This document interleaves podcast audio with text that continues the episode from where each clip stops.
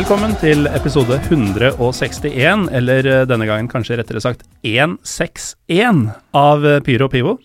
Jeg heter Morten Galaasen, og med meg i dag har jeg atter en gang klanens talsmann og min erkenemesis eh, Erling Rostvåg. Velkommen. Takk, takk. Hyggelig å være her. Så vidt. Du har fått, uh, fått noe å drikke på, da. Vi er på plass. Det plass. kanskje det som bikker over til hyggelig. Ja, ikke sant. Eh, heller et øl enn en uh, type skinnleggen. Det hjelper, hjelper greit, det. Ja. Tok du uh, hva jeg gjorde med episodenummeret her, eller? Ja eh, var, det, var det fredag, lørdag, søndag som er greia her? 161? Ja, en kamp sant? fredag, seks kamper lørdag og én kamp søndag? Nei. Nei, det var Nei, fader. Vet du hva, nå, dette er flaut. Jeg var jo med på det her. Men det er jo én kamp lørdag, seks kamper søndag og én kamp seint på søndag. Ja. Mm. En kampanje som et samla Supporter-Norge hadde for eh, noen år tilbake, begynner det vel å bli nå? Hver gang jeg tenker tilbake på sånt, så tenker jeg sånn Ja, det er sikkert Nei, det er jo ikke tre, det er, det er i hvert fall fem år siden. Og så sjekker jeg, og så er det ti.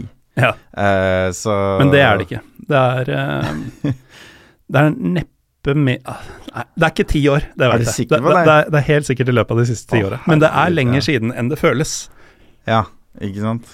Men eh, det passer jo bra Passer egentlig utrolig bra at eh, det skulle bli episodenummeret denne gangen, fordi vi skal jo snakke litt om ja, både forhistorie og nåtid, og forhåpentligvis framtid eh, på norske tribuner, og spesielt da norske supporteres eh, skal vi si samarbeid med norske fotballmyndigheter. Ja, den ene tingen som på en måte evner å samle, oss eh, supportere om et tema, da. Eh, nemlig at vi ikke liker NFF.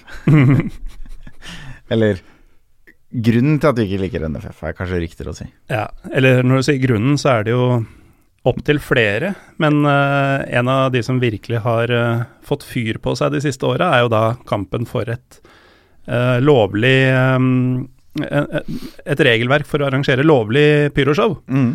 Og det har jo du vært her og snakka om tidligere, du. Ja, jeg har det. Til det kjedsommelige. Og det er jo Det har jo egentlig vært et arbeid som på en måte har gått riktig vei i veldig veldig mange år, og så plutselig for et par år siden så snudde det. Og, Mm. så, og så har det bare vært et sorgens kapittel siden. Og det For er eh, tungt. Det føles jo litt som at du har jobba for noe hele livet, og så Mm. bare plutselig rett før målstreken så er det noen som bare sier nope. Bort med det.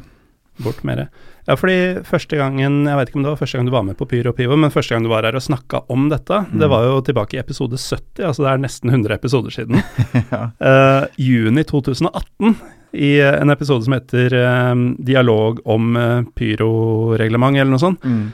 Uh, og altså tilbake i juni 2018, da var du ordentlig, ordentlig forbanna og oppgitt på, på ting. Det er Ja, altså det over to år siden nå.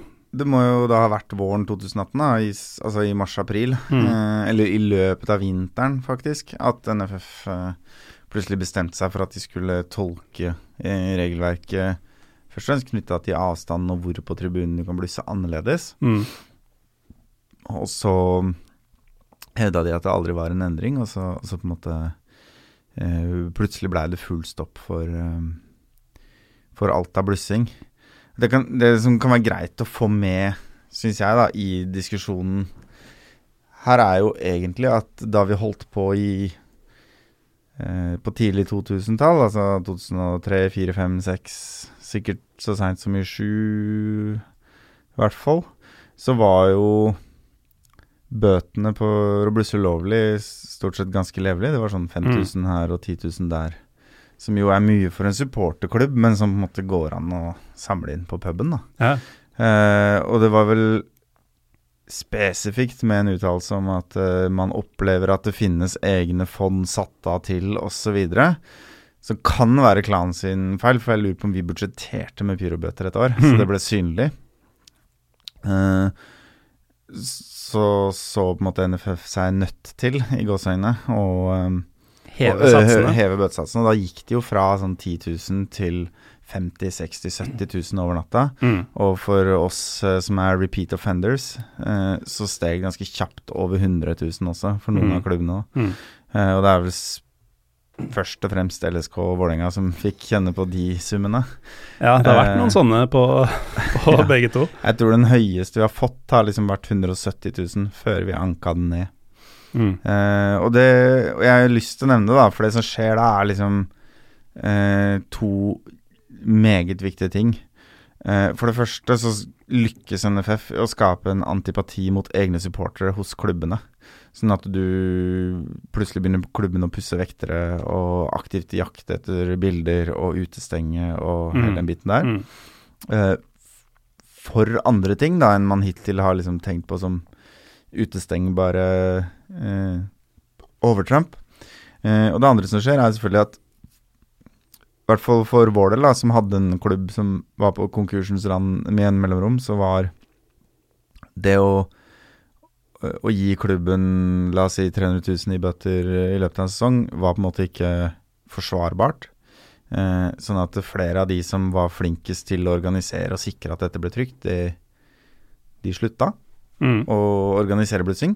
Og så var det de som da sto igjen og fortsatt var villige til å gjøre det, og som da på en måte hadde tilsvarende tanker rundt alle typer konsekvenser. da.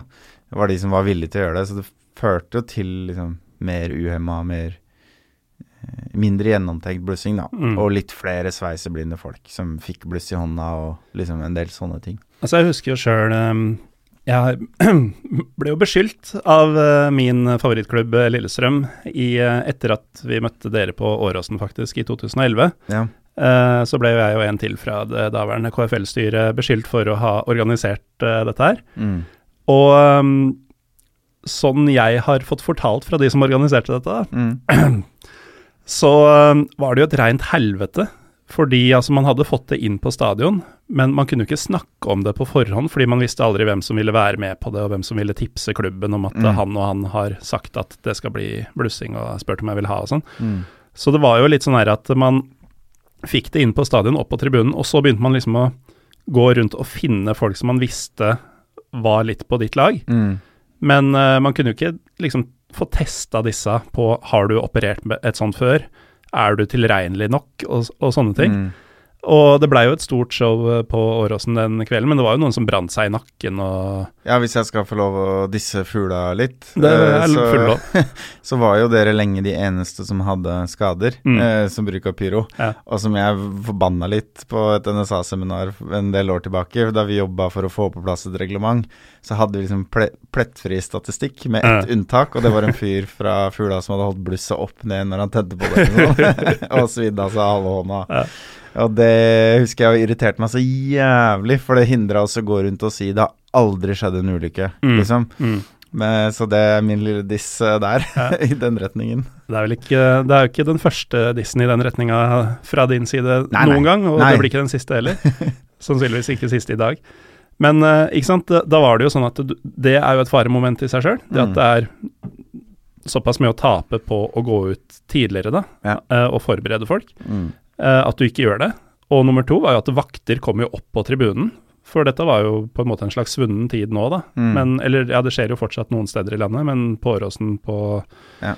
eh, deres stadion. Eh, og, og der klubbene kanskje forventer det mer, så, så kommer jo ikke vaktene opp under pyroen Nei, lenger. og det er jo resultatet av Og- lang forhandlinger og forklaringer og Men- bare det å hindre politiet å komme opp òg. Men det gjorde man jo da, så du hadde Ja. en blanding av at folk ikke visste helt åssen dette funka, noen Ja. var kanskje litt for drita, og panikken som oppstår når du ser at vaktene er på vei mot deg.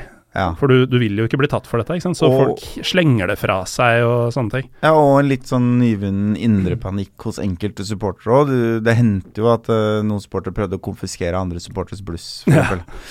Mens det brenner. Ja, eh, som jo er en veldig, veldig dårlig idé. Eh, vi pleide jo også liksom å ringe sikkerhetssjefen før vi blussa, og si sånn Nå blusser vi om fem minutter, så nå er du forberedt, liksom. Mm. Eh, det måtte vi slutte med. Ikke sant? Eh, han kunne fortsatt ikke gjøre noe for å stoppe det, men det, hvem som tok den telefonen, var jo potensielt liksom et spor, ikke Mm, sant? Så det måtte mm. man bare slutte med. Så det var veldig mange Veldig mange destruktive ting, og nå er jeg glad for at vi har fått en mer utagerende supporterkultur jevnt over i Norge, da.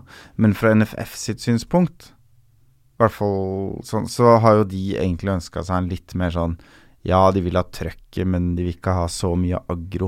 Mm. Eh, og er det én ting eh, hva skal jeg si, crackdown på blussing har ført til, så er det en radikalisering av Supporter-Norge. Mm. Så til de grader. Er den viktigste enkeltfaktoren til at uh, uh, radikaliseringen har skjedd så fort som den har gjort, og at uh, man har fått på en måte flere grupperinger internt og sånn, fordi det har jo bidratt sterkt til at det har vært hva skal jeg si, forskjellig ønske om hvor fort eller ivrig man skal gå fram og sånn. da. Mm. Ikke sant? Så da er det noen som vil blusse seks ganger i året, og så er det noen som sier nei, men vi bør holde oss til to.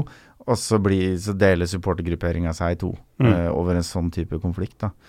Um, Men altså, radikaliseringa har jo gått så langt at eh, for eh, et snaut år siden så Ja. kunne du se Petter Bø Tosterud prøve å fyre av på Eurosport-sendinga, ikke sant? ja, ja. Og, og det som jo skjedde for et år siden eh, Et år etter at jeg var fly forbanna, var jo at Eurosport eh, spurte etter den famøse LSK-VIF-kampen. Mm. Altså ikke den som jeg ble utestengt for, men, Nei, en- eh, en men den i fjor. Den i fjor. Så spurte de jo annet meg på direktsendt TV hvorfor eh, snakker dere ikke med NFF om dette? Og da fortalte jeg men jeg hadde en avtale, og så ghosta de meg. Og så gikk det en uke, og så var uh, Posse og Nils Fiskekjønn på Eurosport Live. Og, og resten er historie. Der ble jo NFF avkledd Rett og slett avslørt i å ha aktivt motarbeida noe de sa de jobba for, da. Så, så det er på en måte det lange trekket i historien. Og Mm. imellom der da, så har vi jo faktisk jobba fram et regelverk som vi har eh, Som på, en måte, på ingen måte var helt i mål, men som i hvert fall var et fungerende regelverk. Som vi har fått skryt i internasjonal presse for. Blitt intervjua av tyske eh, supportermagasiner, og som Mm. NFF også har vært litt stolt av. Ble kalt liksom foregangsland av Uefa, tror jeg, på et punkt. Og så plutselig snudde det, og så var det ikke så populært med bluss lenger. Og da, da begynte også NFF å, å slå ned på det også. Ja, for Kortversjonen her er jo at da, da vi fyra mot Vålinga i høsten 2011, så var det jo totalforbud mot Mm. alt annet enn eventuelt denne tinnsoldatblussinga som, som ingen ønsker seg. Ja, Um, Så seint, altså. Ja. så, Mm. så, så ble det jo ble det jo en slags liberalisering, um, dette første regelverket kanskje, som da var at man kunne fyre enkelte steder på eh, tribunen. At Ja, man kunne stå på første rad ved innmarsj eller sånne ting som det. ja, det som skjedde, var vel at vi måtte tegne det inn, Mm. og så få godkjent tegninga. Og så en, var det bare små endringer i regelverket, egentlig. Det som skjedde, var at praksisen ble myka opp, da. Mm. Eh, sånn at vi fikk jo gradvis liksom godkjent søknader med flere og flere bluss. Så jeg husker da Fred og Santos spilte sin siste kamp, så ville vi jo vi tegne et sekstall i bluss Mm. eh, på hele svingen, på, i Gaza-svingen på Ullevål. Eh, og da fikk jeg sendt den søknaden tilbake, fordi den inneholdt for mange bluss, da, og Mm. redd det skulle bli for stor røykutvikling. Um, jeg tipper det var kanskje 20 bluss, da. Det var ikke mye. Mm. Og så sendte jeg tilbake en ny skisse som hadde samme sekstallet, men brukte halvparten så mange punkter da, til å tegne det sekstallet, og den fikk vi godkjent. Ja. Uh, så det var liksom der vi var. Og så neste gang så fikk vi godkjent dobbelt så mange bluss, liksom. Mm. Og, så, uh, og det handler jo litt med sikkert at uh, brannvesenet ville se hvordan det gikk og Mm. sånt noe. Det er jo for så vidt en helt grei tilnærming, fordi så lenge supporterne så at dette gikk riktig vei, så hadde man jo egentlig Mm. Jeg vil si ganske grenseløs tålmodighet, da. Um, og vi hadde jo flere år hvor det ikke var et eneste ulovlig pyroarrangement på hjemmebane. Mm. Fordi det var der det var mulig å bli så lovlig. På bortebane, litt annen historie. Men fortsatt uten skader, da. Mm. Ikke sant? Og med, hva skal jeg si De folka som lærer seg å bruke dette på hjemmebane, de gjør jo da ting smartere på bortebane også, ikke sant? Klart det. Så, så det, det var jo en god utvikling, som av en eller annen grunn bare plutselig ble stoppa over natta. Mm. Ja, for det er jo litt sånn Man starta på null, eh, jobba seg gradvis inn i et eh, skal vi si, spiselig regelverk for både relativt utagerende supportere Mm. og, og for forbund, klubber osv. Mm. Eh, men man ville jo ha mer, fordi altså denne gradvise tilnærminga som du snakker om, den fungerte jo. Så det er klart at man kunne utvide dette videre og blusse på forskjellige tider i kampen og sånn. Ja, og på et eller annet punkt så ville vi sikkert endt opp et sted hvor, no, hvor folk ville vært uenige om det har gått for langt eller for Mm, kort. mm. Men vi kom aldri dit, da. Nei, nei, fordi eh, som vi sa, våren 2018 så, så snudde ting ganske fort, og siden har det vært ganske vrient samarbeidsklima, er det vel lov å si, mellom supportere og NFF, eh, fram til NFF da ble tvunget på banen igjen eh, på høsten i fjor. Ja. Eh, og det er jo litt der vi skal starte dagens saga, selv om vi har holdt på et kvarter nå. ja. Eh, for du nevnte jo Posse. Mm. Eh, for dere som ikke veit hvem det er, så er det da Bjørnar Posse Sandbo. eh, norsk tribunekulturs beste venn, kanskje? Ja, han har i hvert fall vært øh, Jeg vet ikke om det var leder eller bare talsmann i NSA da, i Mm. en årrekke. Ja. Og, og er jo en av de viktigste pådriverne med dugnadstiden sin for å på en måte ha pusha viktige agendaer, da, som 161-kampanjen og, Mm. og, og pyroregelverk, og ikke minst etter hvert eh, hjemmelaging, holdt jeg på å si, av egen godkjent, sertifisert pyro. Mm. Eh, da vi fikk en liten sånn fartsdump i veien, fordi noe brannvesen, lokalt brannvesen mente at nødting kan bare brukes til nød. Ja. Eh, han har vært veldig viktig. Han har vært veldig viktig. Han øh, var jo da med i denne debatten som du nevnte tidligere, med Nils Fiskekjønn fra NFF øh, for et øh, ja, nærmer seg et år siden. Ehm, og da kom det jo fram litt sånn positive tegn fra forbundet om at ja, vi skal nedsette en innsatsgruppe og, og virkelig gå supporterne i møte, på en måte. Da. Prøve å finne en måte hvor alle kan bli noenlunde fornøyd. Eh, det begynner å bli en stund siden. Eh, Posse sjøl kunne dessverre ikke være her i dag, fordi han eh, er isolert på en eller annen øy utafor Arendal, hvis jeg forsto det riktig. Han formulerer seg veldig sånn klart og presist alltid. Er fortsatt ikke helt enkelt å skjønne hva han driver med, alltid. Han er kameramann for en rekke Ja, TV-serier. jo, men sånn generelt, liksom, ja, ja, I, ja. i hverdagen. I, i Nei, han sånn. er uh, mye ute og reiser. Mm. Men eh, du og jeg, Erling, vi skal eh, da ta oss en liten pause, for uh, Posse har vært så game å sende oss en aldri så liten monolog. Så for dere som lurer litt på hvordan ståa er nå, ifølge en av gutta som virkelig har vært i fronten mot eller med, eller hva vi skal si, Norges Fotballforbund, så er det bare å lene seg tilbake, ta og jekk dere en eh, pivo, og hør på hvor i landet Bjørnar Posse Sandbo mener vi er.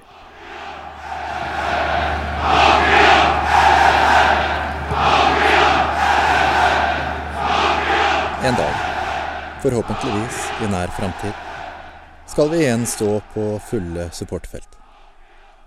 Men etter den legendariske høsten 2019, som kanskje er den flotteste på tribunen noen gang, er det lite som tyder på at fotballen åpner igjen uten at konflikten mellom supporterne og NFF blusser opp igjen.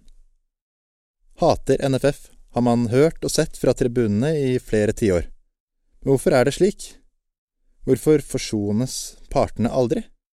Dette er en liten historie om hvorfor det alltid er konflikt mellom pamp og ramp. Og kanskje vil den klarne opp litt om det er noen der ute som tenker at det bare handler om å få lov til å bruke fyrverkeri. Denne historien har et utgangspunkt i en periode på 324 dager. Det er den tiden som har gått siden NFF ble avslørt live på Eurosport, og motvillige måtte erkjenne at de jobbet bak ryggen på supporterne med å forby pyroteknikk. At det finnes noe referat fra et møte som, som sier noe sånt, det er for meg ukjent. Det er en grunn til at jeg tar opp de 324 dagene i dag. I mars 2016 satte en jurist i Oslo brannvesen foten ned for nødbluss. I praksis ble alt forbudt over natta. Fra den situasjonen oppsto til NSA åpnet for lovlig salg av pyro, gikk det 324 dager. Den jobben gjorde jeg nærmest alene, på egen ubetalt fritid. Jeg klarerte jussen, fant en proff leverandør å samarbeide med, fant egnede produkter fra trygge produsenter, ordnet importtillatelse, tegnet etiketter, og NSA kunne til slutt ta imot bestillinger fra supporterklubbene 29.1.2017. Dette ble gjort på kveld og natt etter arbeid, og litt møysommelig var det, men det lot seg gjøre, selv for en dum fotballsupporter som bare tenker på øl og ball. Så da lurer du kanskje på hva arbeidsgruppen til milliardorganisasjonen NFF har klart på samme tid? Den arbeidsgruppen som ble satt ned for å løse krisen NFF skapte på høsten i fjor? Ingenting. Selv etter å ha fått oversendt all dokumentasjon og godkjenninger fra tidligere, og dermed slippe å starte med et blankt lerret, har ikke NFF kommet noen vei. De sa i mars at de har kommet fram til et dokument som er grunnlag for nytt regelverk. Wow. Men det er ikke slik man får ting gjort, spesielt ikke i dette tilfellet, og helt klart ikke med NFF i førersetet. Er det fortsatt noen der ute som tror at organisasjonen som gjorde alt de kunne for å sabotere oss i fjor, skal jobbe for å hjelpe oss i år? Bare husk hva som skjedde. Vi hadde lovlige og godt produserte produkter. Vi hadde en ordning som var moden for utvikling, men som de aller fleste respekterte og deltok i. Vi hadde forsvinnende lite skader på folk og materiell, og vi hadde dette fram til NFF tok det fra oss. Det skjedde på skittent vis. Først ved å skremme brannvesen og politi med falsk dokumentasjon på sikkerhetsseminaret sitt, med bilder av et bombeoffer og en ti år gammel arbeidsulykke på andre siden av jorda. De nederlandske journalistene som hadde laget reportasjen om bombeofferet, var forferdet over at bildet ble brukt på en slik måte. NFF vred seg fra skanse til skanse da det ble rulla opp. De husket ikke hva som ble sagt, og til slutt var innhold på deres eget arrangement ikke deres ansvar. Deretter la de press på DSB, Direktoratet for samfunnsberedskap og sikkerhet, som kunne ta en overordnet avgjørelse, slik at NFF slapp å være den som sier nei. Det ble holdt flere møter. Det ble konkludert i det siste møtet med at pyret på tribunen var forbudt. NFF prøvde å skjule det på Eurosport-sendingen. De kjente seg ikke igjen, og mente at det ikke var skrevet noe referat. Samme person satt i disse møtene. Er det ikke litt rart at uh, to personer som for noen dager siden var i det samme møtet, har så forskjellig oppfatning av Du får nesten stille de spørsmål til departementet som, som leder Jeg til deg, Du var jo der, var det ikke det? Ja, og jeg kjenner meg ikke igjen. Så dette, dette, er ikke riktig? Jeg kjenner meg ikke igjen i det, nei. Men Kan du ikke si det litt mer konkret enn Nei, jeg kjenner meg ikke igjen i den beskrivelsen du gir nå. Dagen etter gikk DSB ut og bekreftet at de anså pyro på tribunen som forbudt. NFF ble forvirret. Men hvem kan egentlig tro på at de ikke kjente seg igjen, eller skjønte hva som ble snakket om i møtene de var med i? Dette hadde jo vært planen hele tiden. NFF slipper å godkjenne søknader fordi DSB sier nei. Så hvorfor skal det egentlig skje noe nytt nå? Fordi NFF har en arbeidsgruppe som har kommet fram til et dokument som skal danne grunnlag for et annet dokument i løpet av 324 dager. Og for å gjøre situasjonen enda mer elendig, har DSB malt seg inn i et hjørne. De påsto i fjor høst at vi ikke hadde satt oss godt nok inn i forskriften om pyrotekniske artikler. Og da lurer jo jeg litt. For jeg leste mye forskrift da jeg og NSA fikk godkjent å importere og selge 13 000 enheter til akkurat dette formålet for noen få år siden. Vi sa nøyaktig hva vi skulle bruke det til, og det ble godkjent. Av DSB. Og nå sier DSB, etter å ha blitt utsatt for press fra NFF, at våre bluss er ulovlige å bruke på tribunen. Det er ikke riktig. De var lovlige å kjøpe og bruke i 2017 dersom lokalt brannvesen og politi godkjenner det, og slik er det fortsatt. DSB har på sine nettsider klippet bort deler av lovteksten om at kategori P1, som våre bluss tilhører, har lav risiko. Så la de til at det primært skal brukes til teknisk bruk og som nødsignaler. Dette står ikke i lovteksten i det hele tatt. DSB diktet om på teksten for at det skulle fremstå som at de hadde rett, og at vi ikke hadde satt oss godt nok inn i reglene. De har fortsatt denne feilinformasjonen liggende ute på nettsidene sine, og NFF bruker dette for å stoppe søknader nå i dag. For noen få dager siden søkte en klubb på vanlig måte og fikk det godkjent av politi og brannvesen. NFF svarte at for å godkjenne søknaden må brannsjefen signere på at de har lest den feilaktige informasjonen som DSB har på nettsidene sine, før NFF kan godkjenne søknaden. Hvilken etat er det NFF tenker de er når dette er et krav? Og NSA ble sånn passe forbanna, for de var i et møte bare litt over en uke i forkant, og ble fortalt at dersom lokalt brannvesen godkjenner en søknad, så skal ikke NFF stille seg i veien. Det varte jo passe lenge. Etter at NSA tok kontakt, skrev generalsekretær Pål Bjerktvedt til NSA. Han medgår at de er overtydelige, men han tror ikke det er for å stikke kjepper i hjulene. En positiv ting isolert sett er at han sier at de umiddelbart skal starte en prosess der de utvikler ny søknadsprosedyre. I den vil det tydelig fremgå at brannvesenet er endelig godkjenningsmyndighet, og NFF kun vil få søknaden til informasjon. Og det er jo bra, det, Men det fungerer ikke hvis brannvesenet eller politiet har blitt forledet gjennom det siste året til å si nei.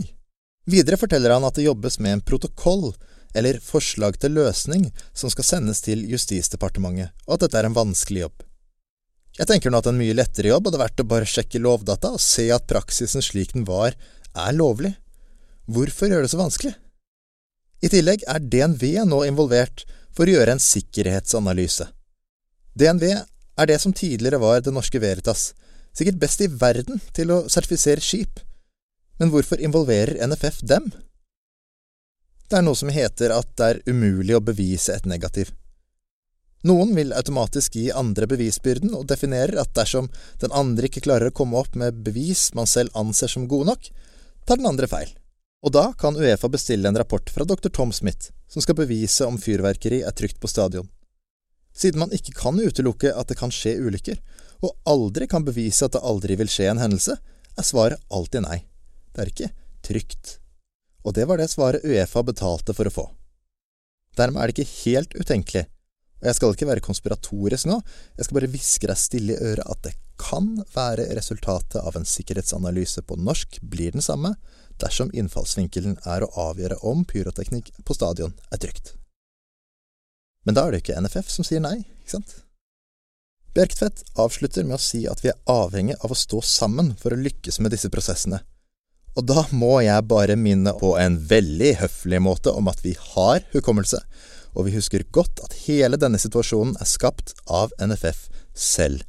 Det er ikke forbundet og supporterne som står skulder ved skulder mot en felles fiende. Her er det NFF som skal, og må, rydde opp etter kaoset de skapte da de saboterte oss i fjor. Jeg skjønner det diplomatiske språket til Pål, men la meg sette dette litt i perspektiv. NFF har tatt tydeligere avstand mot pyro enn de har mot slaveriet i det korrupte mesterskapet i Qatar.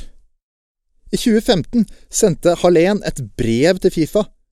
I 2018 sa president Svendsen at de skulle synliggjøre holdninger til spørsmålet.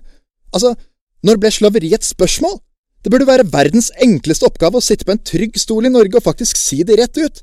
Det er forhistorisk, barbarisk, og vi kan ikke akseptere at fotballen brukes til å rettferdiggjøre det. Men når det tennes et bluss, da slår NFF på den store tromma. Da er det et trist kapittel, og alle midler er tillatt. Slik det er nå, kan en supporter som tenner et bluss på tribunen, uten at noen nødvendigvis ble skremt eller skada, få bøter på titalls tusen kroner av politiet. Deretter får han bota fra NFF som klubbene bare sender videre, og i tillegg vil han antagelig få en utestengelse. Og samtidig, på den dresskledde toppen av fotballpyramiden har NFF de siste åra rota ting til så mye at de har måttet betale ut kompensasjoner, erstatninger og saksomkostninger på over seks millioner kroner av fotballens penger, og det har ikke fått konsekvenser for noen! Og når NFFs etiske komité skal behandle en sak som det virkelig er oppmerksomhet rundt, mellom Bjerktvedt og Lo, da går styret i NFF ut bare få timer i forkant av at saken skal behandles, og sier at Bjerktvedt er freda og at de ikke gjør noe mer med den saken. Et par uker senere betaler generalsekretæren en hemmelig sum til Lo, som fortsatt er ansatt i NFF. De tviholder på å holde summen hemmelig i fem dager før de gir etter for politisk press. NFFs etiske komité står bare igjen og ber styret praktisere åpenhet så langt det lar seg gjøre, etter at presidenten lovet nådeløs åpenhet. For en vits! Det er ikke noe åpent, etisk eller redelig over det vi har fått se fra Fotballforbundet de siste årene. Så når du hører supportere rope 'hater NFF', er dette noe av grunnen. Det er lyden av grasrota som igjen og igjen får straff og bøter av direktørene på toppen, som kan gjøre akkurat som de vil. Dette er norsk fotball nå. Og slik kommer det til å være fram til klubbene står opp for supporterne sine, går inn døra på Ullevål og sier dette er ikke greit. Vi finner oss ikke i at dere leder fotballen vår på denne måten. Vi aksepterer ikke at våre frivillige og ansatte må håndtere sosial uro fordi dere har sabotert samarbeidet og utsatt supporterne for straff, bøter og restriksjoner. Vi godtar ikke at dere skal bøtelegge oss for hundretusenvis av kroner for ordensforstyrrelser, når det er dere som med vilje har forårsaket at det oppstår. Vi vil ikke lenger at dere skal være beriket av fotballens penger og samtidig være fritatt for alle konsekvenser. NFF har håndtert mange kriser ved å låse seg inne og la informasjonsdirektører skyve pressemeldinger under døra fram til folk går lei. Men de får ikke trenere seg ut av trøbbel igjen. De saboterte, løy og påførte supporterne og klubbene store problemer og utgifter. Det er ikke vår jobb å reparere dette, det er deres.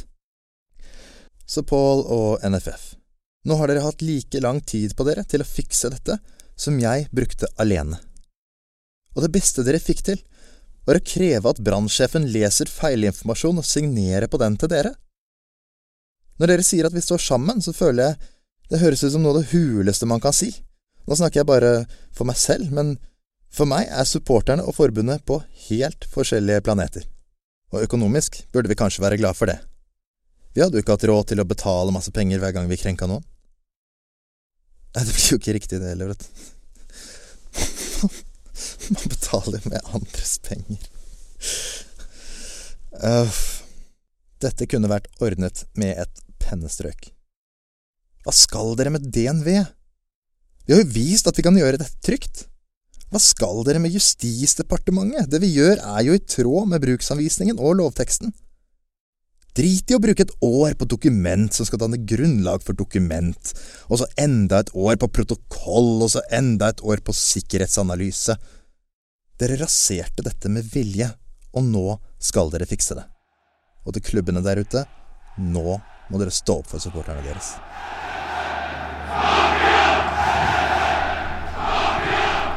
Takk til Bjørnar Posse Sandbo. Han er god til å formulere seg, Erling, men eh, det, det tar tid når han setter i gang.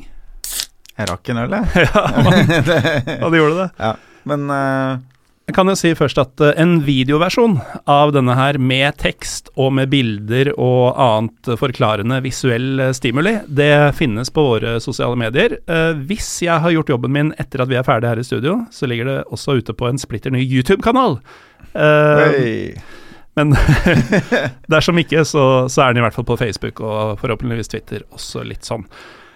Ja, og jeg må jo si det at uh, videoen trøkker jo enda bedre enn bare lyden. Definitivt. For det er noe med å få, få det teksta og få, uh, få opp bildene og dokumentasjonen og, mm. og sånn underveis, så ja. man på en måte får det, får det nevnt, da. Og for guds skyld, eh, hvis noen er uh, tilbøyelig til å være enig med Posses uh, monolog, så spre den i vilden sky i, uh, i dine kretser, kjære lytter. Erling han sier mot slutten her at jeg snakker bare for meg selv, men for meg er supporterne og forbund på helt forskjellige planeter. Mm. Han snakker vel ikke bare for seg selv? han, han gjør nok ikke det, og jeg må jo si Den siste utviklinga, hvor på en måte de, de, de, skal bestille en rapport og sånn, det gjør at, at det synker litt i brystet på meg. For jeg må innrømme at jeg jeg tror at hvis den rapporten faktisk blir laget, mm. så, så, er det over. Så er det kjørt, for å være helt ærlig. Jeg har null tro på at det blir noe annet enn et bestillingsverk. da. Uh, og som Posse er inne på, eh, så lenge det står man kan ikke utelukke at noe farlig vil skje, så vil det være vann nok på mølla til å liksom si at, at NFF skal vurdere Eh, det som uttrykk, da. Så mm. hvis man ikke kommer unna, og dette er jo en beskjed til NSA, da, går ut fra Hvis man ikke kommer unna å gjennomføre den rapporten, så i, som et minimum bekrev eh, krev at det skal være en eller annen form for tallfesta risikofaktor, da. Mm. Ikke sant? Oddsen, den faktiske oddsen for at noe går gærent på en fotballkamp. Eh, og så kan du For da, har du, da kan du minst sammenligne det med å sette deg på et fly eller kjøre bil ja. til jobben, liksom. Og det mm. garanterer deg at det kommer til å være tryggere. Og det er på en måte hele poenget her. I hvert fall hvis man tar um, utgangspunkt i data fra de lovlig gjennomførte showa i Norge i løpet av den tida hvor dette regelverket har vært på plass. Ja, da er det jo nesten farligere å gå og ta seg en dusj. ja, nesten. Uh, nei, så det Og, og det, det det Posse nevner her, da, med at uh, det er faktisk søkt om bruk av pyroteknikk mm. uh, relativt nylig fra Odd sin side. Og at de har fått godkjenning fra brannvesen og politi. Og så har de sagt ja, det er godkjent. Hvis dere signerer på at dere da bryter med DSBs anbefalinger. Ja, som, er- som var nevnt i, Ja. i saken her. Det, er, det skjedde for bare en uke eller to siden. Vis meg den brannsjefen. Brannsjefen som er villig til å stikke legge huet på blokka på den måten. Mm. Altså DSB er virkelig øverste autoritet for dem, ikke sant. Og, og Så det som egentlig er den store, store hårreisende tingen her, er jo at et departement eh, som er underlagt Justis- og beredskapsdepartementet, faktisk går så langt som til å villede i teksten. Altså jeg har, jeg har ingen liksom illusjoner om at NFF skal gjøre noe annet enn å vri seg fra skanse til skanse, helt til de blir pusha etter massivt medietrykk til å gjøre Mm. det riktige. Men et departement skal faktisk fungere sånn. Direktorat. Direktorat, beklager. Direktoratet. Uten at jeg vet forskjell. Jeg er underlagt departementet. Direktoratet. Eh, direktoratet skal eh, være den voksne i rommet, og når man påpeker et såpass enkel liksom feiltolkning av loven, det er ikke en sånn skjønnsspørsmål, det er ikke noe som må Mm. prøves for Høyesterett, dette er ganske rett fram juss, liksom. Mm. Så skal de faktisk bare snu seg rundt og si ah, vår feil, dette er riktig. Det at de går inn på sine egne nettsider i etterkant og redigerer om for å redde ansikt, er det er en helt sinnssyk skandale. Så- Se for deg det skje i noe som helst annet samfunnsområde. Ja. Altså, det er, det er faktisk helt vilt. Og ikke minst, det at de da feilinformerer egne myndigheter, de feilinformerer klubbene, Mm. de feilinformerer NFF, og de feilinformerer alle oss andre gjennom pressen, er jo et brudd på eh, veiledningsplikten de har etter forvaltningslovens paragraf 11. Så Ja de har jo Ja, altså alle offentlige etater plikter å veilede etter lovende, Gjeldende lover. gjeldende regler. Og ikke minst vise deg til riktig lovtekst og rett instans Mm. hvis du har henvendt deg feil. Da. Så hvis du ringer skatteetaten om noe du må til Nav for, så skal de vite at du, dette må du ringe Nav for. ikke sant? Og dette gjelder jo også eh, DSB. Så, så det er faktisk Ja. Nei, Så- eh, det er litt vanskelig for meg som eh, gammel halvstudert røver innen forvaltningsrett å, å sette ord på hvor, hvor skandaløst akkurat den biten her, da. Ja, for det, det er nesten for drøyt til å være sant, så jeg må bare sjekke en gang til at jeg har forstått det riktig. Men Norges Fotballforbund har da kokt sammen med DSB en alternativ tolkning av lovteksten om dette her, Mm. som da DSB har lagt ut på sine nettsider som på en måte en veiledning til brannvesener, f.eks. Og NFF har da bedt hver brannsjef som godkjenner pyroarrangementer sitt, eh, på sitt stadion, da, Mm. om å signere på at eh, vi har lest akkurat denne versjonen Ja. av loven, som i praksis ikke eksisterer, men at det er den vi forholder oss til. Ja, det er nesten riktig. Nå har de jo bare bedt om det én gang, Mm. eh, så vi veit jo ikke om det er ny praksis eller en såkalt glipp. Eh, men eh, For det begynner jo å bli en sånn derre Denzel Washington, eh, Hollywood-konspirasjonsfilm, dette her. Ja, det er ganske, det er ganske sjukt. Eh, men det, det som faktisk har skjedd, da, er at de har jo satt seg ned og sannsynligvis argumentert for hvorfor dette er utrygt. Mm. Eh, og så har de gått ut og informert om at ting som er laget på denne og den måten, er utrygt. Og så viser det seg jo at det vi da ble tvunget til å lage fordi eh, et brannvesen plutselig hang seg opp i nødparagrafen Mm. Eh, eller det er ikke noe som heter nødparagrafen, men nødbiten av paragrafene. Eh, det har jo også ført til at det fyrverkeriet vi har laget, ikke faller inn under de liksom eh, Hva skal jeg si pyroklassifiseringene de henviser til som utrygge. Mm. Og det er når vi påpeker det, at de redigerer nettsida si. Ja. Og én ting er å klippe bort. Det er selvfølgelig ikke greit, det heller, men det er på en måte Ja, vi har ikke ljuget, vi har bare glemt det lille avsnittet om at det er et unntak, liksom. Men Men de det har faktisk lagt til noe direkte villedende som er i strid med lovteksten også. Og det er, det er helt sjukt. Jo, Altså. for er ikke løgn sånn, eh, i hvert fall i enkelte andre land, eh, juridisk sett forbundet med noe annet enn å fortelle sannheten, den fulle sannheten, og intet annet enn sannheten? Og her har de da altså ikke fortalt den fulle sannheten, og Mm. lagt til noe annet enn sannheten. Ja. Det er liksom definisjonen på løgn, da. De punkt og brikke. Mm. Uh, ja, nei, og det, er- og det er det som er vilt, fordi Og, og NFF er jo smarte også, når de ber brannvesenet om å om å signere på at det er i strid med NF, eh, DSBs eh, anbefalinger, så, så gjør de jo ikke det Altså, så sier de ikke denne tolkningen eller denne tolkningen sånn. De bare viser til at DSBs siste uttalelse er at dette ikke er greit, og da må du være klar over at du går på tvers av det. Mm. Eh, og det er jo Altså, det går jo sikkert helt fint, men det krever jo en brannmester som har satt seg inn i hele den debatten. Det er det ingen av dem som har gjort, garantert. Og det krever at du brenner for det. Det krever at du er villig til å risikere noe, og det krever at du er villig til å liksom stå i en eller annen interngranskning om fem år fra nå og forklare hvorfor du liksom gjorde et eller annet på tvers av noen regler og sånn. Mm. Selvfølgelig er det ingen som gjør det. Det krever at du brenner for det, sier du? ja, det krever det. og det er jo ikke det de driver, med. De driver og slokker brann, de. Så da, Mm. da blir det helt umulig. Um, Posse sier jo at um, den eneste måten å på en måte komme noen vei Altså Nå sitter jo vi her som først og fremst supportere, da. Mm. Så fra vårt perspektiv, eneste måten å komme noen vei mot det vi ser på som en god løsning, det er at klubbene står opp for supporterne. Mm. At klubbene går i bresjen, sier på ting, eller altså hvilke instanser de har, at uh, nå er det på tide at dere hører, nå er det på tide at dere uh, håper å si fornyer dere litt og sånn. Eh, ser vi noe tegn til at klubbene er spesielt interessert i dette? Altså det, det var jo en del sånn halvpositive uttalelser eh, på høsten i fjor, da, da det kokte eller eh, brant som verst. Sånn som jeg ser det nå, så er samtlige klubber i Eliteserien sikkert, sikkert ett unntak eller noe, men samtlige klubber som har blitt spurt og uttalt seg, er på papiret positive. Mm.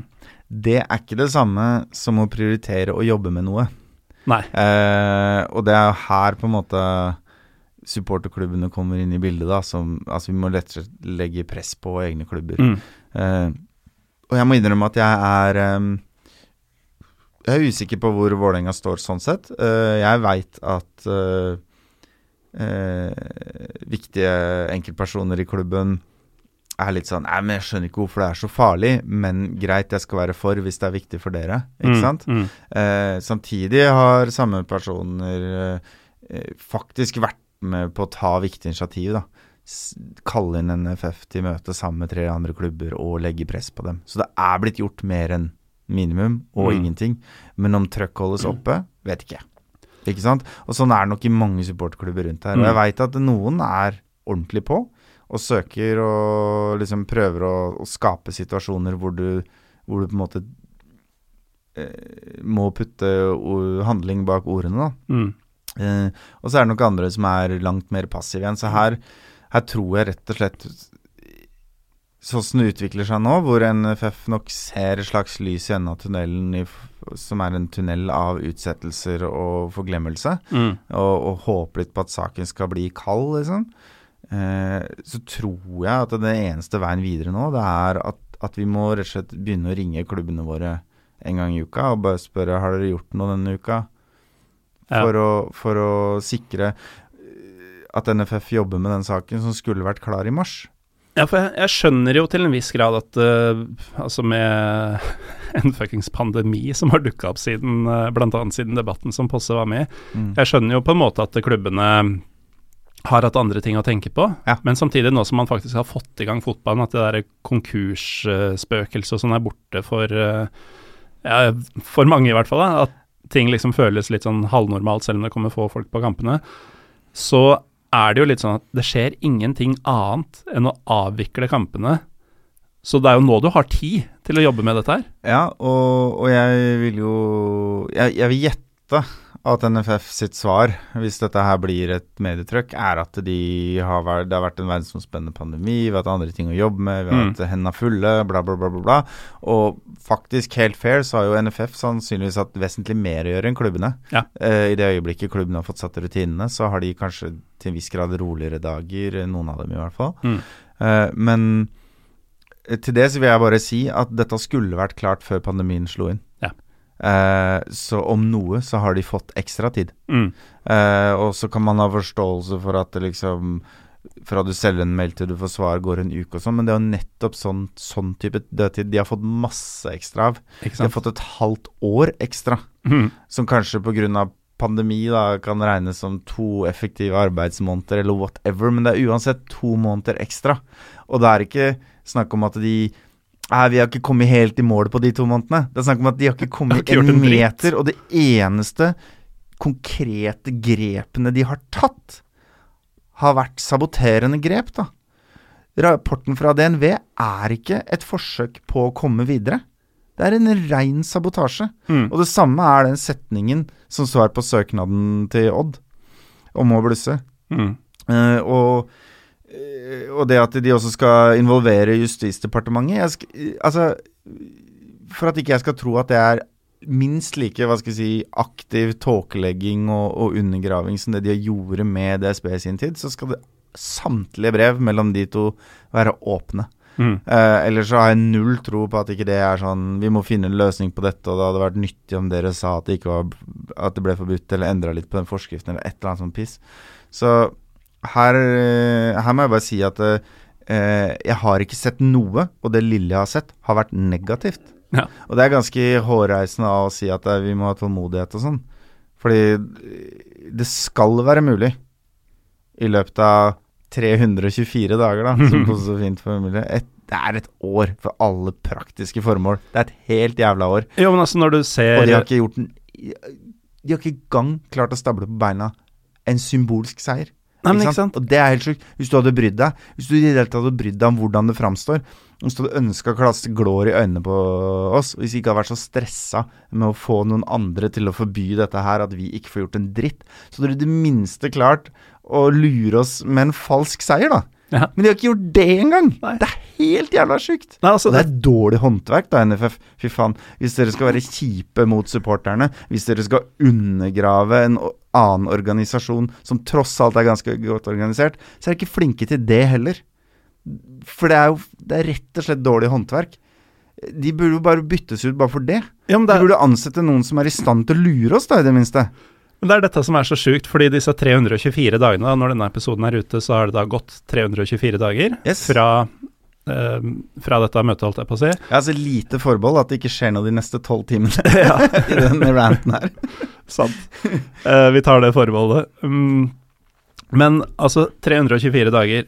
Bjørnar Posse Sandbo, en mann i, eh, så vidt jeg vet, full jobb, Mm. med kjæreste og liksom sine ting å drive med, klarte mer eller mindre alene på denne tida å utforme et nytt regelverk og, og få alt dette på fote. Eh, Norges Fotballforbund, uh, enorm organisasjon, har nå hatt like lang tid. Og som du egentlig raljerte ganske Mm. bra nå, har om noe klart å ta ett steg bakover Ja, og det på, på like lang tid. Ja, og du kan godt, godt si at uh, vi har hatt henda fulle og sånn. Uh, men det må jeg bare si at eh, jeg Nå skal ikke jeg liksom jeg trenger ikke engang å pushe den der ideen om at ah, det er en gjeng med overtalte pamper som gjør ingenting og sånn.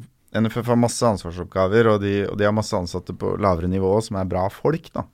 Som på en måte skjøtter tredje- og fjerdedivisjoner, og det er masse bra Mm. liksom dugende folk på bånnivå. Men er det én ting du ikke kommer unna, er at når det er en så stor organisasjon Hvis du trenger å få noe gjort, så er det en fyr der. Et eller annet sted der så er det en eller to personer som kan ha som sin faste oppgave å sørge for framdrift i dette her. Mm. Og det har de ikke gjort. De har ikke funnet den personen. De har holdt det på liksom direktørnivå, ikke sant? Eller ikke direktør, da, men ja, på, på liksom avdelingsleder, eller hva, hva faen de kaller det der. Og, og disse folka har da på en måte vært eh, på en intensitet hvor de stort sett svarer på henvendelser, liksom. Mm. Sånn Ja, vel på tide å ha et møte igjen snart, kanskje. På det nivået, da. Og Hvis det, er uh, Pål Bjerketvedt, du snakker Paul om, så Bjerketvedt og for så vidt Nils Fiskekjønn også. Ja. Ja. Bjerketvedt er da generalsekretær, hvis vi skal ha tittelen uh, på, på plass. Så, så poenget er at jeg, jeg kan skjønne at uh, noen som holder i mye annet, sliter med å liksom sikre daglig framdrift i noe og sånn, men det er snakk om nesten et år.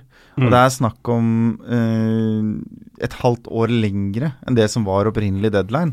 Og det er snakk om at det ikke har gått en meter. Mm. Det er ikke snakk om her vi er bare halvveis, og det er skuffende. Det er liksom Vi har ikke prøvd. Og, og, og igjen, jeg skal love deg at det finnes fire personer bare i kontorene på Ullevål som man kunne liksom rocka litt på arbeidsoppgavene til, og som kunne ha jobba med dette. Mm. Men det krever motivasjon, pre krever prioriteringer.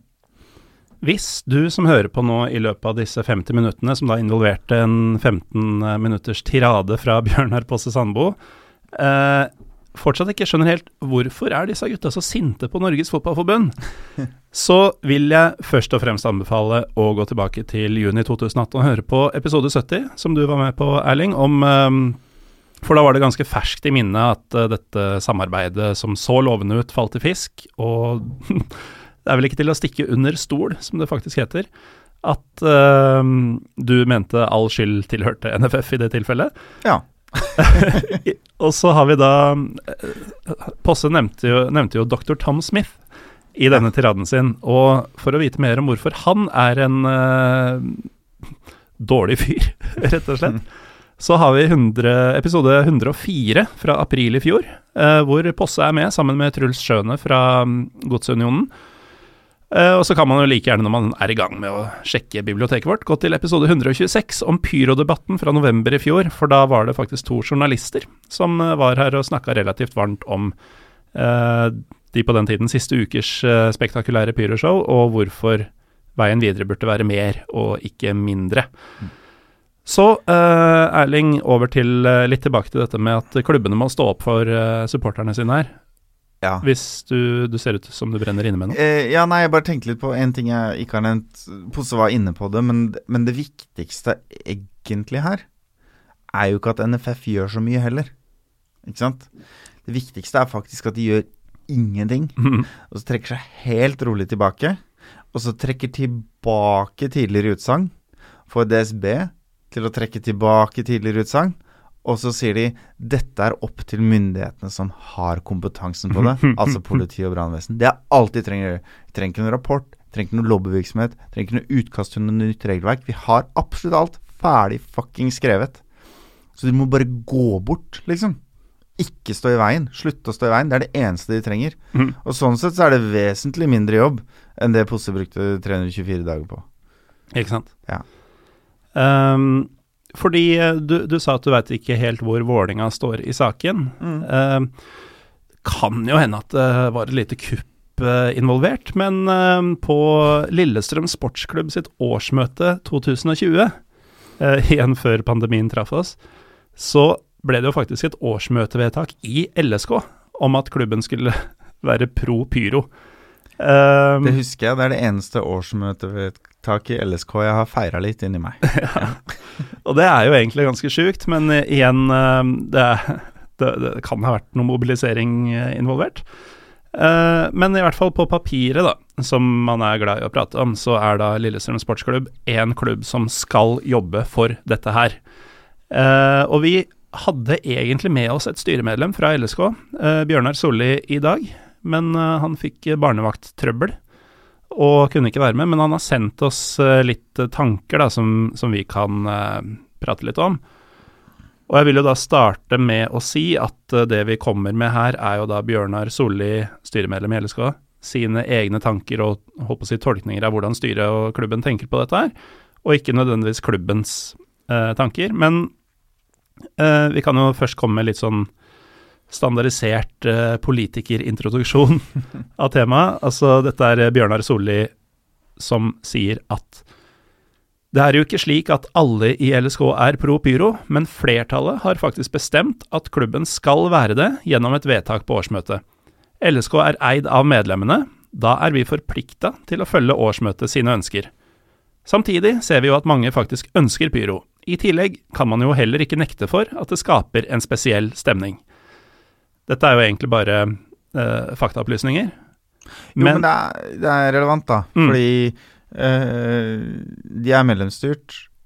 Han kunne valgt å si at uh, dette er en liten interesseorganisasjon som har kutt på et årsmøte, og, og, og og derfor er vi forplikta mot vår vilje til å jobbe med det. Men det han faktisk sier, er jo at dette er jo viljen til uh, det han oppfatter som, om ikke flertallet, så i hvert fall en stor andel, eller halvparten av, av LSK som klubb, da. Jo, men altså, årsmøtet er klubbens høyeste instans. Det er helt riktig. Årsmøtet så igjen, på papiret er det ikke noe tvil. Mm.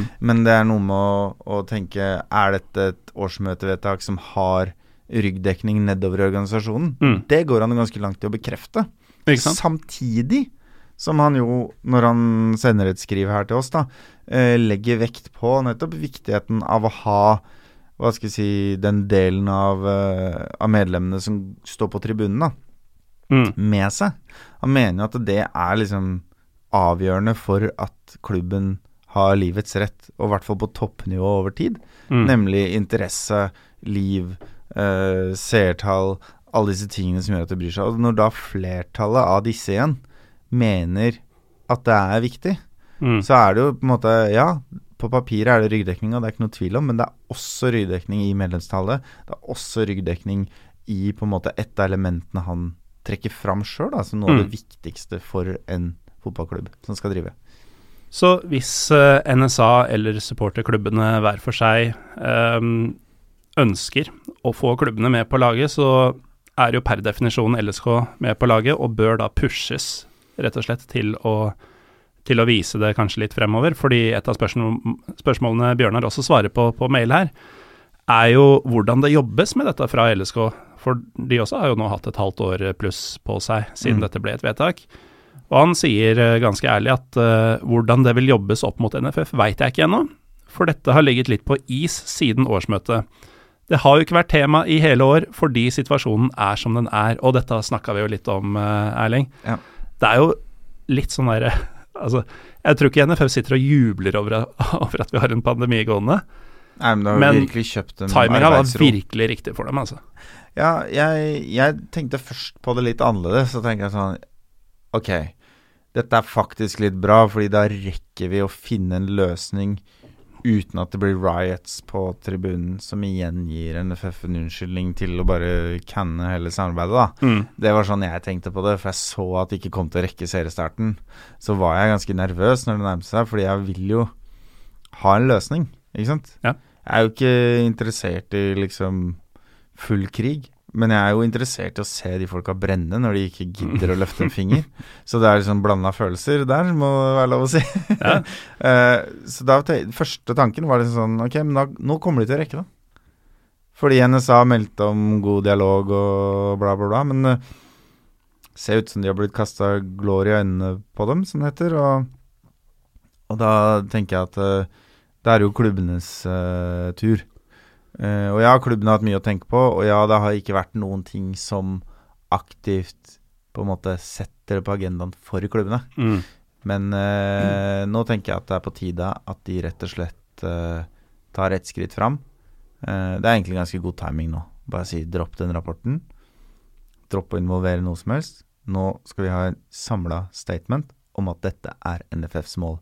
Ikke et svar på et spørsmål i et intervju, men en pressemelding, liksom. Mm. Og, og, og man skal si at sånn er regelverket, og sånn skal det tolkes.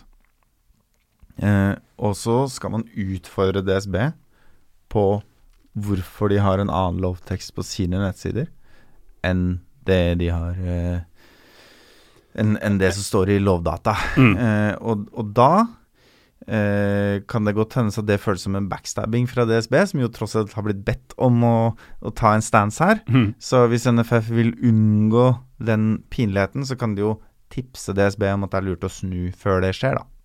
Ja. Forslag til løsning der. Hvor eh, sannsynlig, du som har hatt litt med NFF å gjøre, er det at eh, det går den veien? Altså, Det som er interessant her, er jo at vi har jo faktisk ikke bare klubbene uttalt på vår side, Um, men vi har uh, også NTF. Mm. Uh, NTF, Altså norsk toppfotball? Norsk Toppfotball, som er interesseorganisasjonen til klubbene på de to øverste nivåene, i, kun i herrefotballen, kanskje? Jeg ble helt usikker. Ja, Jeg det har i hvert fall aldri sett de fronte i kvinnefotball. Eh, det trenger ikke bety noe som helst. Nei, det gjør det faktisk ikke. Jeg skal Men, se om jeg eh, finner ut av det uten at det går utover sendinga her. Men i hvert fall de har jo faktisk nå også konkludert med at her må man finne en løsning. Fordi eh, NTF er jo da rett og slett klubbenes medlemsorganisasjon, og deres medlemmer lider av dette. Mm. Deres medlemmer lider av at de har masse krav på seg. De bruker millioner av kroner på vektere som ikke klarer å stoppe en dritt hvert eneste år. De bruker tid og krefter på å krangle med egne supportere. De har sikkerhetsutfordringer, de har bråk, og de har bøter på til sammen flere millioner kroner i året. Som et resultat av at NFF ikke løser dette. Så NTF Det er et helt naturlig krav for dem å stille at nå må det komme en løsning. Mm. Eh, og, og det er nok kjøttvekt, altså. Det skal jeg bare ha sagt. Og så skjønner jeg NTF også er meget presset av denne koronasituasjonen, for all del. Eh, men eh, jeg tror jo Du spurte om jeg har trua på at liksom Eller om jeg er overraska over at NFF ikke kommer noen vei. Det er jeg ikke. Men det er faktisk sånn at de pleier å bukke under for press hvis presset er vedvarende og lenge nok, og Mm. offentlig nok. Og det er klubben i stand til å lage. Ja, Definitivt. Eh, kan bare skyte inn at eh, norsk toppfotball er en interesseorganisasjon som består av fotballklubbene som spiller i Eliteserien og Obos-ligaen. Toppserien. ikke nevnt, Nemlig. selv om den er oppkalt etter dem, nærmest. ja, nesten. Um, jeg har lyst til å ta et par ting til fra Bjørnar Solli. Um, for han stiller et spørsmål her etter Ja, det, det tar noen setninger, men vi kommer dit. Jeg har en sønn på seks år som har vært med på kamp mange ganger. Nå sitter ikke han midt i røyken, så kanskje han hadde vært mer skeptisk da, men han synes de røde lysene er utrolig kult. Det er snakket etter noen kamper, ikke selve kampen. Så at dette bare er skadelig for de aller minste, er feil, men det går sikkert andre veien også. Igjen, hvis man vet at dette er trygt osv., kanskje opplevelsen blir bedre av det for de som er skeptiske. Øh, Sånn jeg tolker formuleringa her, er øh, vil for skeptikerne rundt omkring Uh, viten om at dette er et trygt og lovlig arrangement, gjøre uh, et ja, spektakulært og tilsynelatende utagerende øh, pyroshow mer levelig og bedre for dem, tror du? Veldig ledende fall- spørsmål, egentlig. Ja, men jeg har, jeg har i hvert fall stått på tribuner hvor folk er rasende på pyro, og så sier man ja, men det er lovlig. Å ja, da er det greit. Ja, det blir ikke bøter. Det snur seg de snur, Det er ikke med en gang. Nei, ikke Nei. sant. Så det viser jo bare hvor kunstig mye av den antipatien som faktisk finnes der ute, er. Mm. Uh, og så er det jo sånn at eh, selvfølgelig er det to viktige faktorer når det kommer til om det føles trygt å gå på kamp. Og det ene er hvorvidt han som holder blusset, har på seg finlandshette og truer politiet med juling samtidig. Mm. Eh, eller om han bare ikke gjør de to tingene. Ja. Det er ganske stor forskjell på hvordan det oppfattes eh, fra sida. Eh, og så er det andre selvfølgelig hvordan pressen skriver om det. Mm. Og begge disse to tingene er direkte avhengig av om det er mulig å gjøre det lovlig eller ikke. Mm. For det er klart, hvis ikke du har behov for å maskere deg, og du ikke føler eh, risiko for at noen kommer og slår deg i kne med en batong og tar blusset ditt, på en måte, så får du ikke den atferden. Mm. Og hvis, eh, og hvis det var lovlig og bare fett, så står det jo ikke om det i pressen engang. Jeg har aldri sett Skulle jeg for så vidt ønske, da, men jeg har aldri sett liksom overskriften Klan satte i gang kjempeshow på tribunen, liksom. Det er, jo, det er jo aldri det det handler om. Det er kun hvis det er liksom bråk, trøbbel, eller det var ulovlig, eller det lekker nyheten om mulig rekordstor bot. Da skrives det om tribunekultur, ikke ellers. Mm. Så det er klart Hvis ikke det står i avisa at det er farlig, og det ikke ser farlig ut, eh, så eh, Så blir det heller ikke frykt for det, da, tror jeg. Nei. Og det er positivt for norsk fotball, punktum. At folk ikke er redd for å gå på kamp. Jeg utfordrer noen til å motsi den påstanden. Ja. Ja. ja, men altså kombinasjonen av at det oppleves som spennende, Mm. samtidig som du veit at det ikke er farlig, den kan jo ikke slås. Det er derfor folk drar på fornøyelsesparker og sånn. Ja. Eller dykking, eller fallskjermhopp, eller ja. Som for så vidt er farlig, da. Jeg hopper fallskjerm. Jeg tipper risikoen for å skade seg der er omtrent den samme som ved pyring på tribunen. Bare at hvis du skader deg i fallskjermhopp, så har det litt mer fatale konsekvenser enn med pyring på tribunen. Men det er fortsatt en risiko som er, eh, eh, som samfunnet vårt klarer å leve med. Sant. sant. Um, en ting vi eh, på en måte glemte eller forbigikk litt, var jo uh, Bjørnar Solli, altså LSK-styremedlemmet, han uh, sa at klubben har ikke egentlig tatt i dette noe særlig, fordi det Mm. ikke har opplevdes som naturlig når situasjonen er som den er. Men um, jeg har jo forhørt meg litt rundt og fått et lite inntrykk av at uh, det, klubbene kanskje ikke er så Altså, det var veldig mye pyring fra veldig mange klubber i fjor. Mm. Uh, jeg har forstått det sånn at ikke alle bøtene har kommet ennå. Ja. Og inntrykket jeg har, er litt at det har hatt litt å si for, eh, for enkelte klubber. At uh, man er litt redd for å riste i buret, fordi da kommer pengekrav i en tid hvor pengekrav virkelig ikke er velkomment. Det, det er jo en annen sak at uh, Ja, jeg forstår prinsippet om ikke tilbakevirkende kraft på regler og sånn, men NFF har jo fått ganske tydelig beskjed fra NSA i forhandlingene om at hvis de bøtene kommer ut nå, etter liksom det mediesirkuset som var, og etter liksom den der ok, ok, vi skal snakke sammen og jobbe forholds mot det, så, så vil det føre til et opprør. Og det er grunnen til at det ikke er sendt ut. Mm. Ferdig snakka. Det er ingen annen grunn. Men hva er grunnen til at de ikke har strøket det? Mm. Om enn i det stille, da. Jeg skjønner at ikke du går ut i media og sier Ja. hei, vi tok feil, bla, bla, bla, men det er faktisk mulig å konkludere med at eh, ja, vår lovtolkning var feil. Mm. Og dermed så er det ikke Var det ikke da, eller? Noe grunnlag for å bøtelegge. Mm. Så la oss bare ikke gjøre det. Det er kjempelett å gjøre. Ja. Og, øh, og det har de heller ikke gjort. Og det igjen vitner om kanskje at de ser for seg at uh, dette her skal presses uh, i en eller annen retning, da. Mm.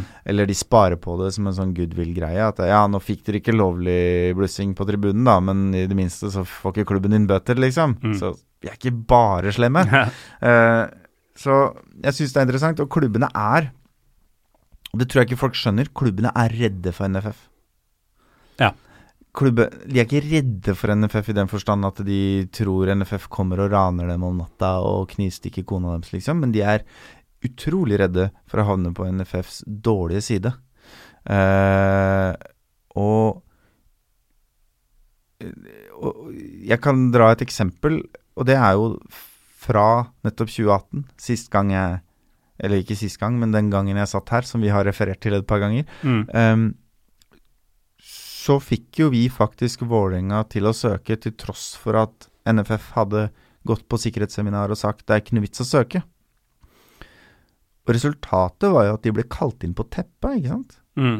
Og det er jo helt jævla absurd. Hvis du søker Nav om en stønad du ikke har rett til, så blir du ikke dratt inn på en høring og trua med fengselsstraff, liksom. Du får bare avslag på søknaden. Eh, og sånn er det i alle Hvis du søker på et legat du ikke oppfyller, så er det ikke sånn at du blir trua med bøter eller mindre goodwill neste gang du søker til et annet prosjekt. Du bare får avslag på søknaden. Og det er ikke sånn at hvis du ber et forlag om å anta boka di, du, og de ikke liker den, så får du beskjed om at du skal sørge for at du aldri får gitt ut noe skriftlig igjen i denne byen, eller noe sånt noe. Du får bare en refusjon. Mens NFF, de fikk en søknad de mente de ikke kunne godta. Og så kalte de faen meg klubben inn på teppet. Og det er en klubb som i sitt daglige virke er sånn 100% avhengig av goodwill fra NFF. De taper og tjener kanskje en halv million kroner årlig på om de får gjennom vilja si på liksom kampoppsettet når du søker i starten av sesongen. Mm. At 16. mai-kampen er en hjemmekamp. At LSK bort, hjemme ikke er midt i fellesferien. Ikke sant? At disse tinga de er, det, Dette maktforholdet er ikke likt, da. Som i det øyeblikket NFF på en måte legger press på klubbene på noe som helst måte, så er klubbene feige, altså. Mm. De trenger hjelp, og de trenger, de trenger forsikring om at de er bulletproof i den situasjonen de står i. Da trenger de å vite at de ikke er aleine. De trenger kanskje å pushe gjennom NTF da, ikke sant? Mm. for å føle seg trygge. Og de trenger å vite at hvis dette her smeller i media, så kommer alle til å heie på dem så hardt at NFF ikke tør å liksom være kjipe tilbake. da. Og det er et jævlig viktig poeng, som jeg tror mange undervurderer. Helt enig. Eh, er det her vi skal skyte inn at du eh, driver og tenker på en slags eh, kampanje?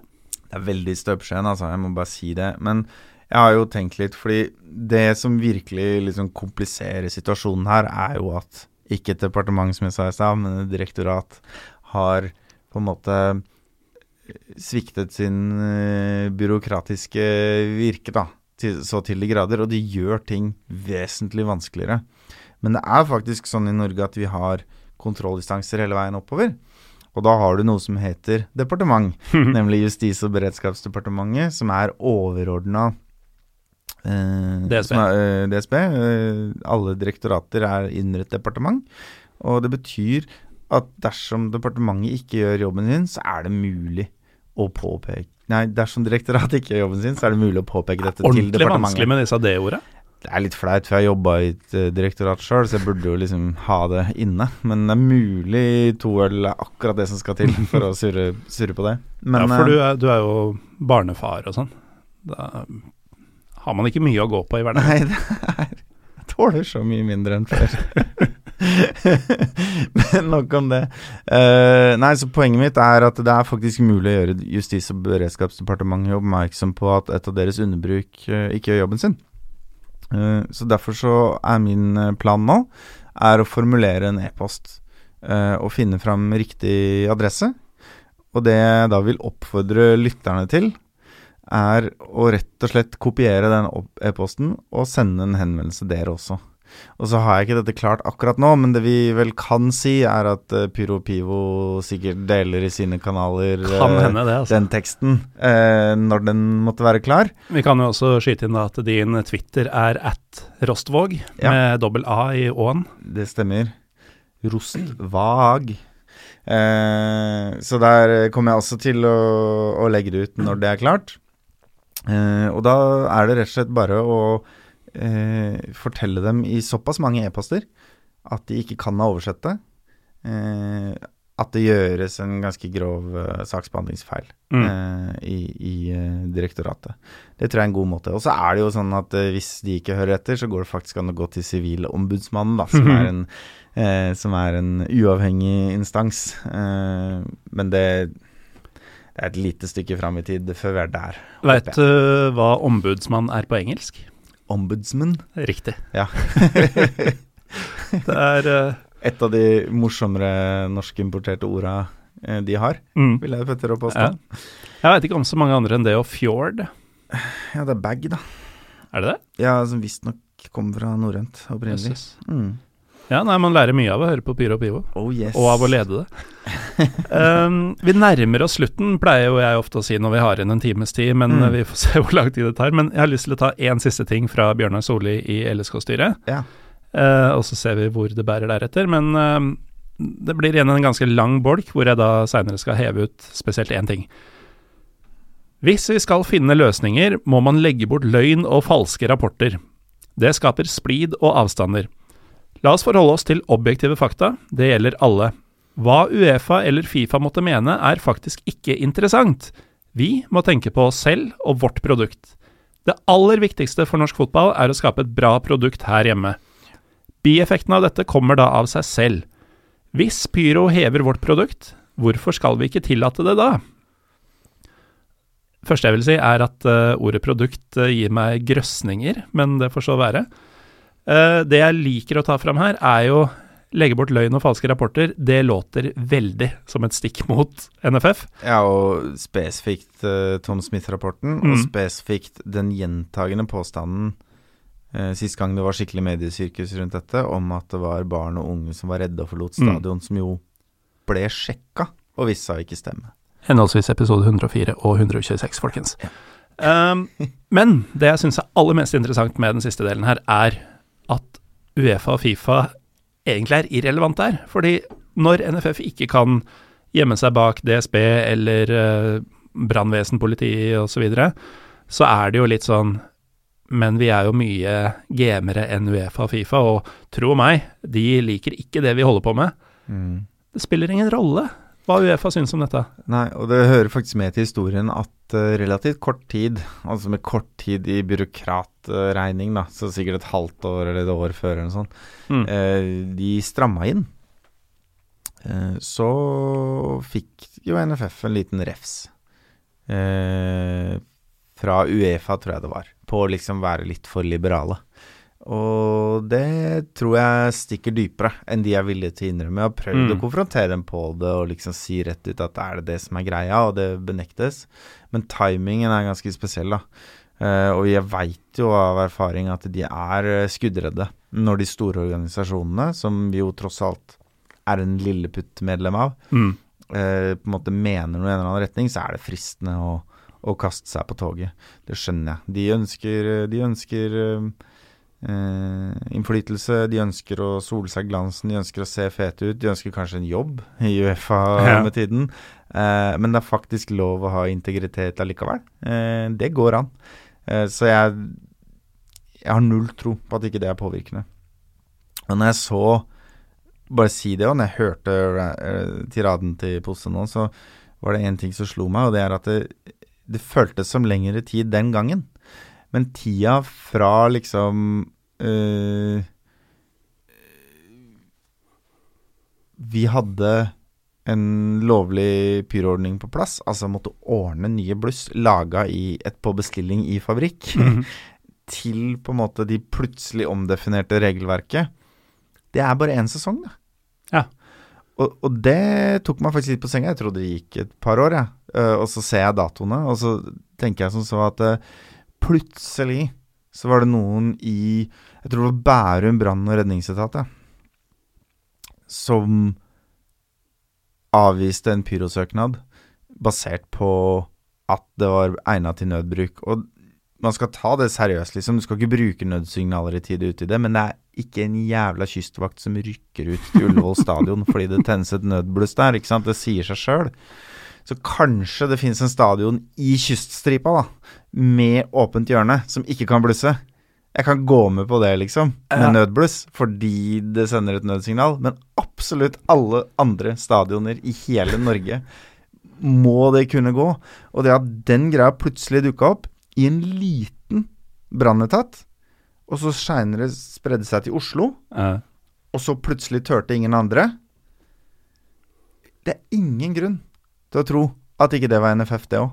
Helt seriøst. Jeg har ikke noe bevis for det, men timinga er så sjuk. Fordi det øyeblikket man finner en løsning på det, mm. og jobber seg rundt det De er gode på å finne løsninger den veien. Ja, men i det øyeblikket vi løste det, da, som tilsynelatende var en full stopp på en fungerende ordning, som kom fra utsiden, som NFF ikke kunne gjøre noe med, for det var noen andre som hadde sagt nei Det øyeblikket vi løste det, så var det første neste mulige anledning, så pusha de noen nye til å si nei på vegne av dem. Og det er mellom sesonger, ikke Mm, sant? Mm. For du, det er vanskelig å endre sånne ting midt i sesong, men mellom neste sesongpause, så skjedde det. Mm. Kom ikke her og si at ikke det Det er det de har gjort hele tiden. da De har jobba aktivt over flere år. Fordi de veit det blir bråk. Hvis de sier nei, så må de få andre til å si nei. Jeg likte veldig godt denne kystvaktproblematikken, hypotetiske sådan, og Ja, ja. begynte å tenke litt sånn for meg sjøl, sånn er det noen stadioner ved vann som har et åpent hjørne? Og jeg, altså de stadionene jeg kommer på som er ved vann, da, det er uh, Fredrikstad, hvis man er litt uh, godviljeaktig, og så er det i Kristiansand, i Molde, Ålesund er vel like ved vannene, Viking. Viking. Ja. Alle er helt uh, Altså, ingen av dem har åpne hjørner. Det er riktig. Så hvis det er Fra noen den lyttere tida da fotballen trodde de hadde god råd. Mm. Hvis det er noen lyttere der ute som veit om et stadion i eh, la oss si toppfotballen, da, de to øverste divisjonene, som ligger ved vann og har et åpent hjørne, og som følgelig kunne utløst kystvaktutrykning. Du, du bør trekke en vinner. Hvis noen kan påpeke det her, så bør du trekke en vinner som får en gratis pivo. Ja, Første som gjør dette, skal faktisk få et Pyro Pivo-skjerf i posten. Ikke sant?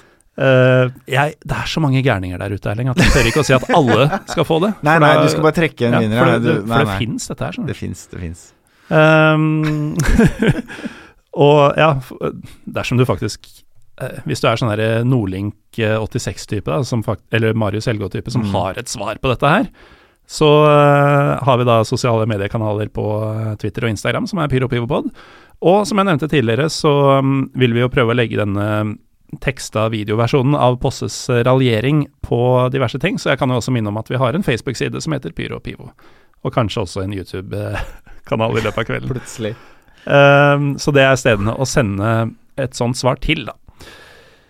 Da begynner jeg å bli litt sliten av dette NFF-pratet, Erling. Eh, er det noe vi har glemt? Det er masse detaljer, og det er masse å være sint for, og det er masse å ha glemt, men, men det viktigste her nå er jo veien videre, og det er Legg press på klubben din. Legg press på Justisdepartementet. Legg press Mm. på at NFF ikke skal legge press på Justisdepartementet. eh, stopp den jævla rapporten hennes, jeg mener det. Dere går i en felle hvis dere utarbeider den i fellesskap. Det er en felle, liksom. Mm. Som for å si det som admiral Akbar. It's a trap. Ja, men er, det, er det noen som har empiri på, å, på at NFF legger feller, så er det vel deg. Ja, det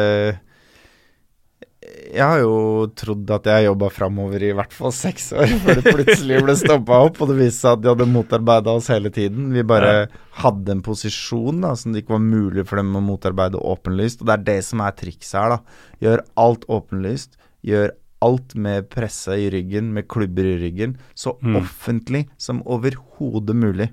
Sånn at eh, det er ikke noe tvil om hvilken versjon som stemmer når eh, det blir press. Mm. Det er én ting som de i NFF er ræva på, det er de gir etter for press. Problemet er at det presset av og til er fra Uefa, det er av og til fra Fifa, det er av og til fra noen andre internt. Eh, Det er av og til fra en eller annen tenkt indre stemme om at alt som er litt ukontrollerbart, er farlig. Men når vi klarer å og det, og det presset er vedvarende til hver tid, hele tiden. Men de gangene vi mønstrer et press, enten det er ved hjelp av media, ved hjelp av klubbene eller bare oss sjøl, så gir de jo etter hver jævla gang, liksom. Mm. Så løsningen er helt åpenbart. Det er en bad faith forhandlingspartner du ikke kan stole på. Du må holde presset hele veien. Og så, når du har holdt press i ti år, så kanskje det er noen andre folk i de stillingene, så kan du sjekke litt sånn forsiktig. Og kanskje disse folka er til å stole på. Veldig, veldig forsiktig. Og så får vi se hvordan det går derfra. Og det er jo sånn at uh, egentlig så kan hvem som helst gjøre en innsats og jobbe med dette. Altså om du er en vanlig tilhenger, gå til din supporterklubb. Er du en supporterleder, gå til din klubb. Er du en klubbleder, snakk med andre klubber, gå til NTF. Og er du i NTF, ta så Kok sammen en ordentlig sak og fiks dette på vegne av norske fotballsupportere. Vær så snill.